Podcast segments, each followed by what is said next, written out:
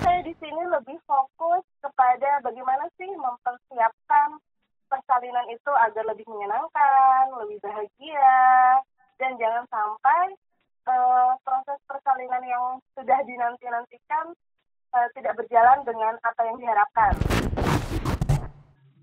Sepanjang dari kehidupan wanita itu bukan hanya sekedar uh, melogikakan segalanya, tapi ada rasa, ada cinta hmm. yang tidak boleh lepas. Seperti yeah. itu. Bergabung di GPI menjadi volunteer merasakan atmosfer keanekaragaman yang tanpa menilai mm-hmm. dan menjadi satu sama lain. Silaturahminya terhubung sampai saat ini dan atmosfer positifnya itu terasa sampai saat ini. Uh, ketika misalnya saya nggak ketemu GPI, mungkin juga saya tidak akan Hai pemimpin muda, jumpa lagi di Eugen Podcast, saluran podcast resmi dari Global Peace Foundation Indonesia. Di sini kamu bisa dapetin banyak banget obrolan menarik seputar dunia anak muda Indonesia yang penuh kreativitas, penuh inspirasi untuk terus menebarkan perdamaian dan kebaikan. So, simak terus obrolan-obrolannya bersama kami Eugen Podcast. Halo pemimpin muda, kembali lagi bersama saya Isman Abidillah di program Yujan Podcast GPF Indonesia. Hari ini kita menginjak ke episode 19. Yujan Podcast nggak kerasa banget ya. Kita sudah mau satu tahun berjalan Yujan Podcast sejak kita mulai pada bulan Mei 2020. Banyak banget yang sudah kita bahas dan sudah kita datengin uh, pembicara-pembicara dan teman-teman kita yang sangat inspiratif di bulan Maret ini bulannya Hari uh, Perempuan Internasional ya, tepatnya tanggal 8 Maret kemarin kita memperingati Hari Perempuan Internasional. Dan episode 19 ini juga pembahasannya akan seputar uh, isu perempuan ya dan pastinya pembicara yang akan kita hadirkan juga dari kalangan perempuan seperti itu. Dan mudah-mudahan um, episode hari ini bisa uh, menghadirkan cerita-cerita dan kisah-kisah yang menjadi inspirasi buat uh, teman-teman semuanya, terutama untuk teman-teman sobat Jujen uh, yang perempuan ya, gitu. Dan kali ini saya akan bersama orang yang berasal dari lingkungan pekerjaan yang itu sangat dekat dengan perempuan, sangat dekat dengan pemberdayaan uh, wanita gitu ya. Dan ini kami hadirkan Kak Editia Yuniawati atau biasa dipanggil Kak Editia. Halo Kak Editia. Halo sahabat Yujen, halo Kak Isman, apa kabar? Halo, kabar baik. Kak Editia gimana kabarnya Kak? Puji Tuhan, uh, sampai saat ini sehat walafiat kurang satu apa pun ya Uh, Kak Aditya Yuniawati ini seorang uh, dulunya kita uh, pernah bertemu di kegiatan Millennial Peace Festival ya Kak yang di Surabaya. Ya. Uh, dan juga Millennial Peace Camp. Jadi Kak Aditya ini uh, bekerja sehari-hari sangat dekat dengan uh, perempuan atau uh, bersinggungan dengan pemberdayaan perempuan. Mungkin bisa kita tanya langsung aja ya Kak Editya ya. Kesibukannya apa sih Kak uh, sehari-hari? Halo sahabat uh, Yujen, perkenalkan nama saya Editya. Ini mau mengenalin aktivitas keseharianku selama menjadi bidan ya. Oh iya iya iya. Iya, oke. Okay. Jadi saat ini saya bekerja ke di rumah aja sebenarnya. Cuman saya lebih ke bagian untuk terapis. Jadi suatu bidang yang tidak hanya untuk penolong persalinan. Nah biasanya nih kalau kita tahu bidan itu adalah orang yang menolong persalinan kan? Nah, ya, tapi ya, saya uh, benar tapi saya di sini lebih fokus kepada bagaimana sih mempersiapkan persalinan itu agar lebih menyenangkan, lebih bahagia, dan jangan sampai uh, proses persalinan yang sudah dinanti-nantikan uh, tidak berjalan dengan apa yang diharapkan. Misalnya dang dang wes, dang bar gitu ya, atau uh, apa cepat selesai aja persalinan sebuah proses persalinan adalah sebuah proses honeymoon. Ya, bukan honeymoon, bukan hanya sekedar setelah nikah jalan-jalan, tapi sebenarnya proses persalinan itu adalah proses honeymoon antara seorang wanita dan seorang uh, suami, seorang lelaki, dan akan terlahir kembali menjadi seorang ibu, seorang ayah, dan menyambut kehadiran buah hatinya. Luar biasa kan? Nah, hmm. setelah itu saya juga membantu untuk persiapan uh, persiapan menyusui, Kak. Jadi ada banyak kan uh, kita lihat bahwa sekarang lagi gencar-gencarnya pasti eksklusif uh, menyusui adalah hal yang terindah tapi di satu lain di satu sisi yang lain gencar-gencarnya promo promo dot misalnya dan lain hmm. sebagainya jadi itu adalah hal-hal yang membuat sebenarnya wanita itu sudah diberikan anugerah kepada dari yang kuasa untuk melahirkan, menyusui dan merawat anaknya tapi dengan keadaan lingkungan sekitar yang membuat mereka terombang ambing ibaratnya gitu kan hmm. akhirnya tidak merasa percaya diri nah peran itu yang membuat saya uh, menjadi seorang bidan yang mem, uh, mempersiapkan uh, proses persalinan dan, dan juga menyusui nah hmm. gitu oke okay. Inspiratif banget ya ibu keseharian Kak uh, karena kan nggak banyak orang yang berani mengambil pekerjaan untuk bekerja di uh, salah satunya menjadi bidan gitu ya. Lalu apa sih hal yang memotivasi atau mendorong Kak Editia untuk mengambil pekerjaan yang ini kalau orang lihat kan sangat-sangat uh, sangat-sangat penting banget gitu ke, uh, keberadaannya untuk wanita itu sendiri. Aku nggak kenal bidan kan, jadi aku tuh senang banget lihat orang melahirkan, terus senang banget lihat ibu hamil gitu ya. Mm-hmm. Kok, kok cantik banget, kok auranya itu luar biasa, penyayang gitu ya. Mm. Terus pas mau kuliah gitu sampai SMA, aku bingung, saya mau kuliah di mana ya? Gitu. Hmm. Ya sudah akhirnya hamil satu penutupan pendaftaran di Poltekkes Palu. Hmm. Ya udah deh, putusin coba deh masuk ke uh, bidan gitu ya. Kalau boleh tahu kayak Ditya sudah berapa lama oh, ada di pekerjaan ini kak?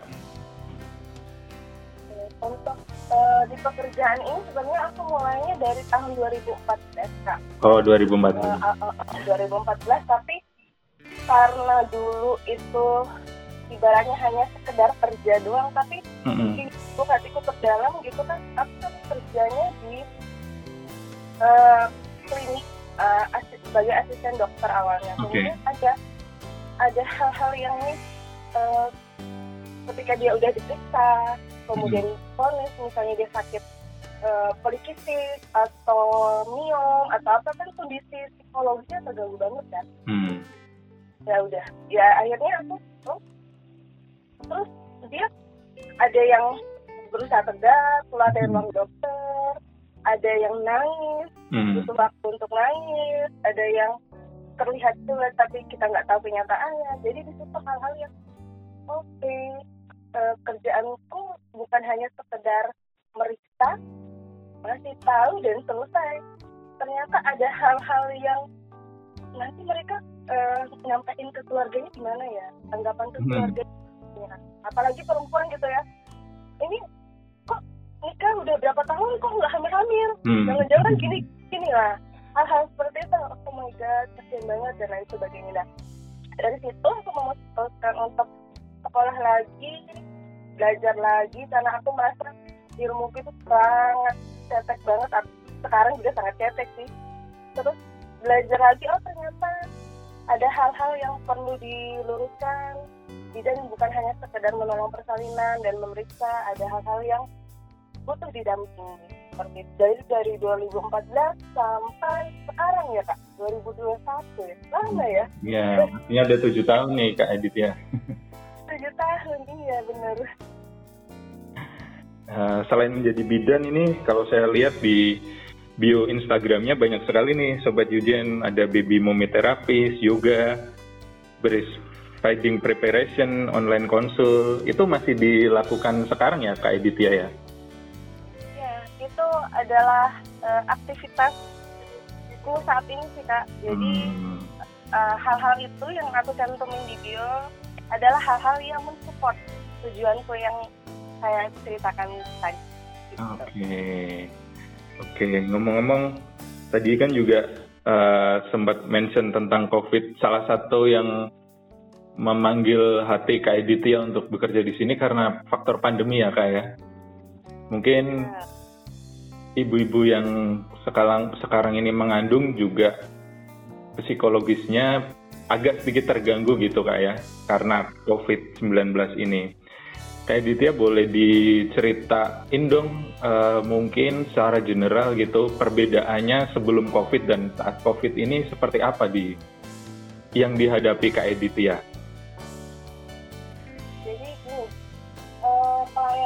sebelum COVID dan sebelum eh sesudah COVID ini memang sangat luar biasa berpengaruh sih kak.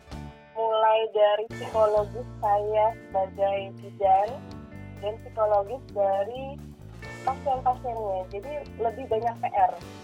Ketika misalnya mereka atau pasien apa klien-klien saya ibu-ibu hamil di luar sana yang oke okay, biasanya itu oke okay, aku bisa lahiran di mana aja gitu kan oke okay, kalau misalnya di rumah sakit uh, sekarang saat ini kalau misalnya pun di rumah akhirnya bisa bersalin di rumah sakit ada beberapa rumah sakit yang tidak uh, melakukan misalnya inisiasi dini karena takut terpapar sama covid dan lain sebagainya dan hmm. hal-hal itu adalah hal-hal yang menurut saya pribadi adalah hal-hal yang sangat mengganggu. Kenapa? Karena tidak diadakannya inisiasi-inisiasi dini misalnya itu akan juga sangat berpengaruh dalam proses uh, menyusui dan sampai dua tahun ke depan.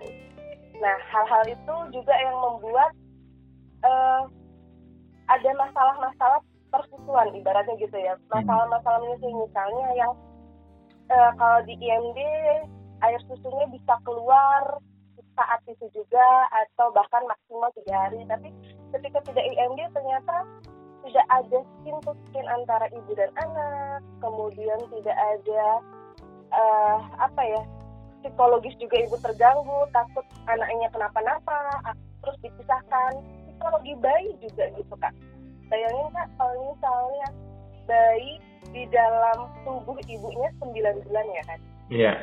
dia lahir kemudian begitu lahir dia terpisah jarak dan waktu yang bayinya harus di kamar bayi ibunya di ruang perawatan hmm. apa yang dirasakan sangat bingung ketika dia anak sebatang kara tiba-tiba lahir terus uh, detak jantung yang saya pernah yang sering saya dengar 9 bulan ke mana hmm. aroma tubuhnya ke mana gitu kan hmm. nah hal-hal seperti itu yang membuat psikologis psikologis ibu dan psikologis saya sebagai tenaga kesehatan juga akan oke gimana caranya supaya anak ini bisa mendapatkan skin to skinnya oke okay, hmm. supaya apa namanya uh, ayo bu kita manfaatkan ibu harus jaga kesehatan protokol 3 harus uh, benar-benar oke okay, dan lain sebagainya dan hmm. hal-hal itu yang membuat uh, upayanya tuh lebih lebih berat lagi nggak sih? Hmm. Jadi ketika hmm. misalnya aku uh, harus ketemu sama ibunya offline, kan dulunya semuanya offline ya. Sekarang hmm. kan gara-gara pandemi aku harus membuka kelas juga secara online. Hmm. Nah ketika ada yang minta secara offline, aku harus menjaga diriku juga gitu dengan misalnya menandatangani surat pernyataan bebas COVID, harus tes COVID dulu dan lain sebagainya. Jangan sampai aku bisa melayani satu orang tapi akhirnya tidak bisa melayani banyak orang. Hmm. Dan pastinya uh, dari tujuh tahun perjalanan ke Editia dari 2014 sampai sekarang gitu ya 2021 itu kan terkait dengan perempuan, terkait dengan bagaimana seorang perempuan itu melalui satu fase sejarah di hidupnya gitu melahirkan dan itu sangat terkait dengan kemanusiaan kerja-kerja kemanusiaan karena nggak semua orang mau dan berani untuk mengambil resiko uh, untuk berdedikasi untuk mengabdikan dirinya menjadi seorang bidan gitu. Ya gak, uh, Kak Bidan Editya ini cerita atau kisah yang itu menggugah hati atau menginspirasi gitu, salah satunya selama tujuh tahun ini. Kalau kisah yang menginspirasi itu banyak banget kak. Salah satunya cerita yang yang barusan aku ceritakan salah mm-hmm. satunya. Salah duanya mungkin uh, lebih ke peran lelaki ya. Jadi baby blues, baby blues itu juga tidak hanya terjadi pada kaum wanita, tapi juga terjadi pada kaum lelaki. Jadi aku pernah dapat pasien tuh uh, aslinya juga sangat mampet. Kemudian beliau juga lahir SK, eh ya beliau juga lahir SK, aslinya mampet. Terus aku bingung ya, uh, kenapa ya kita kan sebagai sebagai seorang bidan sebagai tenaga kesehatan tidak perlu mengetahui karena setiap orang kan punya masalah masing-masing ya kak ya. Mm. Uh, jadi ketika apa sih uh, uh, yang membuat aslinya ini tidak ada apa ada apa sehari dua hari aku lihat lingkungannya. Oke okay, lingkungan orang tua bagus. Oke okay, nutrisinya bagus. Ibunya semangat menyusui ada apa ini? Dan ternyata dalam satu minggu si ayah itu tidak sama sekali mau memegang anaknya. Oh. Ngeri ya? Iya. Itu uh, karena stres atau gimana nah, jadi se seorang suami tersebut itu merasa bahwa perhatiannya selama satu minggu ini sudah tidak ada lagi ya yang dulunya berdua mau makan apa ya aku masakin ya masak bareng dan lain sebagainya mm-hmm. terus tiba-tiba lahiran istrinya fokus sama anaknya untuk menyusui apalagi tidak uh, istrinya tidak seperti orang biasanya terus. Istrinya merasa juga suaminya kok nggak nggak megang anakku ya. Kok suaminya nggak ngobrol sama aku ya. Kok aku diabaikan ya. Suaminya juga gitu. Kok aku nggak disapa ya. Kok aku diabaikan ya. Kenapa dia fokus sama anakku aja ya gitu. Loh mm-hmm. jadi ada jembatan yang tidak eh, ada jalan yang terputus ya akhirnya oke okay, hari pertama aku minta bapaknya bapaknya nggak mau. Hari kedua ayo pak enggak. Hari ketiga ayo pak enggak. Oke pak kalau bapak nggak mau bantu saya saya nggak bisa bantu bapak. Saya nggak bisa bantu gitu ya. Aku ngancam gitu. Oke sekarang gimana pak? Kalau mau terus saya terapi ayo kita kerja sama. Jangan sampai bapak ibu saudara saudari yang ada di rumah ini berharap sama saya. Ternyata masalahnya bukan bukan karena hal itu ternyata psikologis gitu kan mm-hmm. nah ketika suaminya ikut di sampingnya memijat memegang aja memijat ayo pak saya selalu pak mencoba untuk mendekatkan lagi ikatan suami istri karena kita tahu bahwa seorang eh, seorang pasangan ketika sudah punya anak itu adalah orang tua tapi jangan sampai mereka melupakan bahwa mereka berdua adalah pasangan. Sebenarnya ya? Iya iya. Sibuk sama anaknya tapi mereka lupa bahwa mereka adalah sebuah seorang hmm. pasangan. Jadi quality time mereka itu lepas gitu. Hmm. oke okay, saya mulai dari proses pengenalan dulu. Saya buat suasana romantis dulu di dalam kamar. Kita sugestif positif dulu. Aku minta suaminya meluk aku minta suaminya cium peluk pak cium. Nggak apa-apa di depan saya anggap saya bantal. Aku bilang gitu. Nah ketika dipeluk ketika dicium ibunya nangis bapaknya nangis dan air asli pun keluar kak. Hmm. bayangin. Hanya karena itu air aslinya selama ini nggak ada hanya karena itu aku. Oke okay, mulai dari sekarang mau nggak mau aku kudu ketemu sama semua suami suaminya oh jadi ya udah iya. uh jadi mulai dari situ. Jadi sadar ya betapa pentingnya ya teamwork gitu dari nggak hanya dari ibu tapi juga dari suaminya gitu ya. Betul. Hmm. betapa pentingnya cinta hmm. Gitu kak. Jadi itu adalah hal-hal yang luar biasa. Apa ya? Oke okay, berarti ini bukan hanya jadi masalah perasian masalah wanita sepanjang dari kehidupan wanita itu bukan hanya sekedar uh, melogikakan segalanya, tapi ada rasa, ada cinta hmm. yang tidak boleh lepas. ya. Luar biasa ceritanya. Jadi tahu dan jadi makin sadar kalau misalkan ini juga penting loh uh, apa namanya teamwork dan juga saling pengertian gitu ya uh, Ditya ya. Karena kalau dilihat secanggih apa pun teknologi dan ya se apa ya namanya semahal atau selengkap apa pun fasilitas gitu ya di rumah kita atau di luar sana gitu ternyata sumber uh, permasalahannya sepele gitu ya terlihatnya ya. Tapi sangat penting gitu bagaimana kita mengkomunikasikan dan sadar bahwa ini merupakan kerja bersama gitu ya kayak Ditya ya. Dan luar biasa sekali sore ini uh, nggak kerasa udah udah lebih dari satu jam nih kayak Ditya kita ngobrol.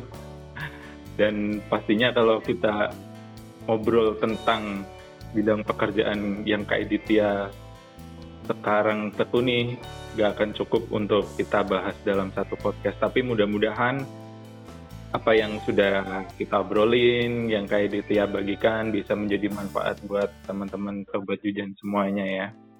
Dan mungkin terakhir sih uh, di penghujung-penghujung podcast ini uh, saya mau minta pesan dari Kak Ditya buat mungkin ada sobat Jujan di luar sana gitu yang sekarang ini baru atau kepengen gitu untuk terjun atau untuk uh, mempunyai keinginan menjadi seorang bidan seperti Kak Editia? Apa nih pesan-pesannya untuk mereka? Kak? buat sobat bidan yang mungkin telah mendengar ceritaku, cerita obrolan-obrolan kita mungkin apa ya? Jadilah apa ya jadilah pelita di dalam kegelapan kalau nggak bisa menerangi seluruh kota cukup menerangi satu ruangan itu jauh lebih baik oh, iya. jadi kalau misalnya mau jadi bidan kalau tergerak oke okay, aku tergerak ingin membantu juga yuk tidak hanya sebagai bidan semua uh, apa bidang ilmu itu bisa dilakukan hmm. Hmm. jadilah wanita yang memakai hati hmm. karena semua itu berawal dari hati. Tidak perlu kita mempunyai cahaya yang besar untuk menerangi dunia. Cahaya lilin yang mampu menerangi satu ruangan itu sangat dari jauh lebih baik. Timbang kita terlalu uh, bersemangat. Aku pengen jadi petroma padahal di sekeliling kita kita tidak tahu apa yang terjadi. Oke. Okay membingungkan ya closing tuh ya. Enggak uh, inspiratif sih. Artinya apa pun bidang pekerjaannya ya harus ditekuni dan dikejar uh, dan benar-benar harus fokus di bidang pekerjaan itu ya kayak gitu ya. Nggak perlu jadi seorang yang besar cukup di bidang pekerjaannya aja yang ditekuni. Seperti perjalanan Kak Editya sudah tujuh tahun. Dari 2014 ke 2021 ini sudah banyak sekali yang dilalui dan menjadi salah satu contoh wanita uh, mungkin bisa saya bilang ya um, uh, pemudi gitu kan masih usia pemuda tapi sudah mendedikasikan dirinya untuk bidang kemanusiaan untuk menjadi seorang bidan. Dan itu uh, di Hari Perempuan Internasional ini kami sangat mengapresiasi terutama dari GPF Indonesia untuk uh, Kak dan teman-teman wanita di luar sana yang saat ini uh, berdedikasi untuk kemanusiaan, untuk pekerjaan dan untuk lingkungan sekitar gitu. Jadi terima kasih Kak Editya sudah berbagi pengalaman dan berbagi kisah di episode 19 kali ini dan Kak Editya juga uh, teman-teman semuanya uh, membuka kelas ya Kak ya membuka kelas yoga dan juga kalau teman-teman sobat Yujen uh, mungkin saat ini keluarganya atau saudaranya gitu sedang menghadapi masa-masa kehamilan gitu kalau mau reach out ke Kak Editya gimana nih Kak? mungkin mau ikut kelasnya atau mau konsultasi gitu bisa ke mana nih? Mau konsultasi atau mau ikut kelas saya bisa berkunjung di Instagram saya kak di Ya. Bidan Editia Ke, Bidan Editia ke bidan underscore editia ya. Gitu. Iya. Nah, di follow. Underscore Ya. Bidan Editia ya ya. saya Jangan lupa. Ya, kepada GTY GTY karena apa ya kak saya merasa sangat beruntung berada di lingkaran GTY dan Hmm. hal yang membuat saya merasa beruntung juga ketika saya sekolah di Surabaya untung di Surabaya ya kak Mm-mm. bisa bergabung di GPY menjadi volunteer merasakan atmosfer keanekaragaman yang tanpa menilai Mm-mm. dan menjadi satu sama lain silaturahminya terhubung sampai saat ini dan atmosfer positifnya itu terasa sampai saat ini mungkin juga itu adalah eh, ketika misalnya saya nggak ketemu GPY mungkin juga saya tidak akan mempunyai jiwa jiwa ini Kerelawanan. gitu, Kak. Hmm. relawan seperti ini jadi ketika misalnya sudah niat semesta sudah mendukung semesta akan mengumpulkan orang-orang yang setuju sepemikiran dengan kita dan salah merasakan setuju dan itu Hmm. terima kasih Sama-sama kita juga senang sekali bisa mempunyai Kak Editia di dan teman-teman GBY Surabaya pasti sangat bangga sih dan sangat senang bisa punya sosok teman seperti Kak Editia. Mudah-mudahan terus keep in touch ya Kak ya, keep contact eh, untuk ke depannya. Entah nanti ada kegiatan-kegiatan bareng karena sekarang kan di era pandemi ini agak susah teman-teman GBY ya. Mudah-mudahan ke depannya masih kita masih keep in touch, keep contact eh, sehingga bisa menyebarkan manfaat eh, yang lebih luas lagi eh, ke lingkungan sekitar dan kerja-kerja kemanusiaan seperti itu.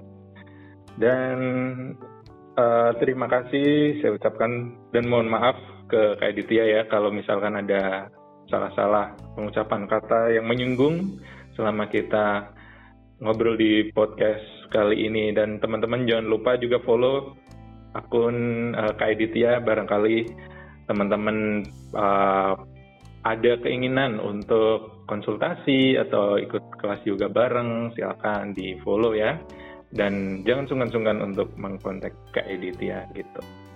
Terima kasih Kak uh, Aditya untuk waktunya. Senang sekali juga kami sangat mengapresiasi dan terima kasih untuk eh, kerja-kerja kemanusiaan Kak Editia di Hari Perempuan ini. Mudah-mudahan ke depannya sukses, lancar terus dengan apa yang Kak Editia sekarang kerjakan gitu untuk membantu dan mengempower eh, perempuan-perempuan yang ada di luar sana. Jangan lupa teman-teman Sobat Jujen untuk terus dengarkan podcast GPF Indonesia, Yujen Podcast di berbagai platform streaming dan follow akun GPF Indonesia. Sampai jumpa di episode Yujen Podcast selanjutnya. Sampai jumpa. Dadah. Terima kasih sudah mendengarkan Yujen Podcast. Semoga obrolan tadi menginspirasi kita semua untuk terus berbuat baik, untuk terus menebarkan perdamaian di bumi yang kita cintai ini. Dan jangan lupa para pemimpin muda, subscribe dan follow akun sosial media Global Peace Foundation Indonesia, baik di YouTube, Instagram, Facebook, maupun Twitter.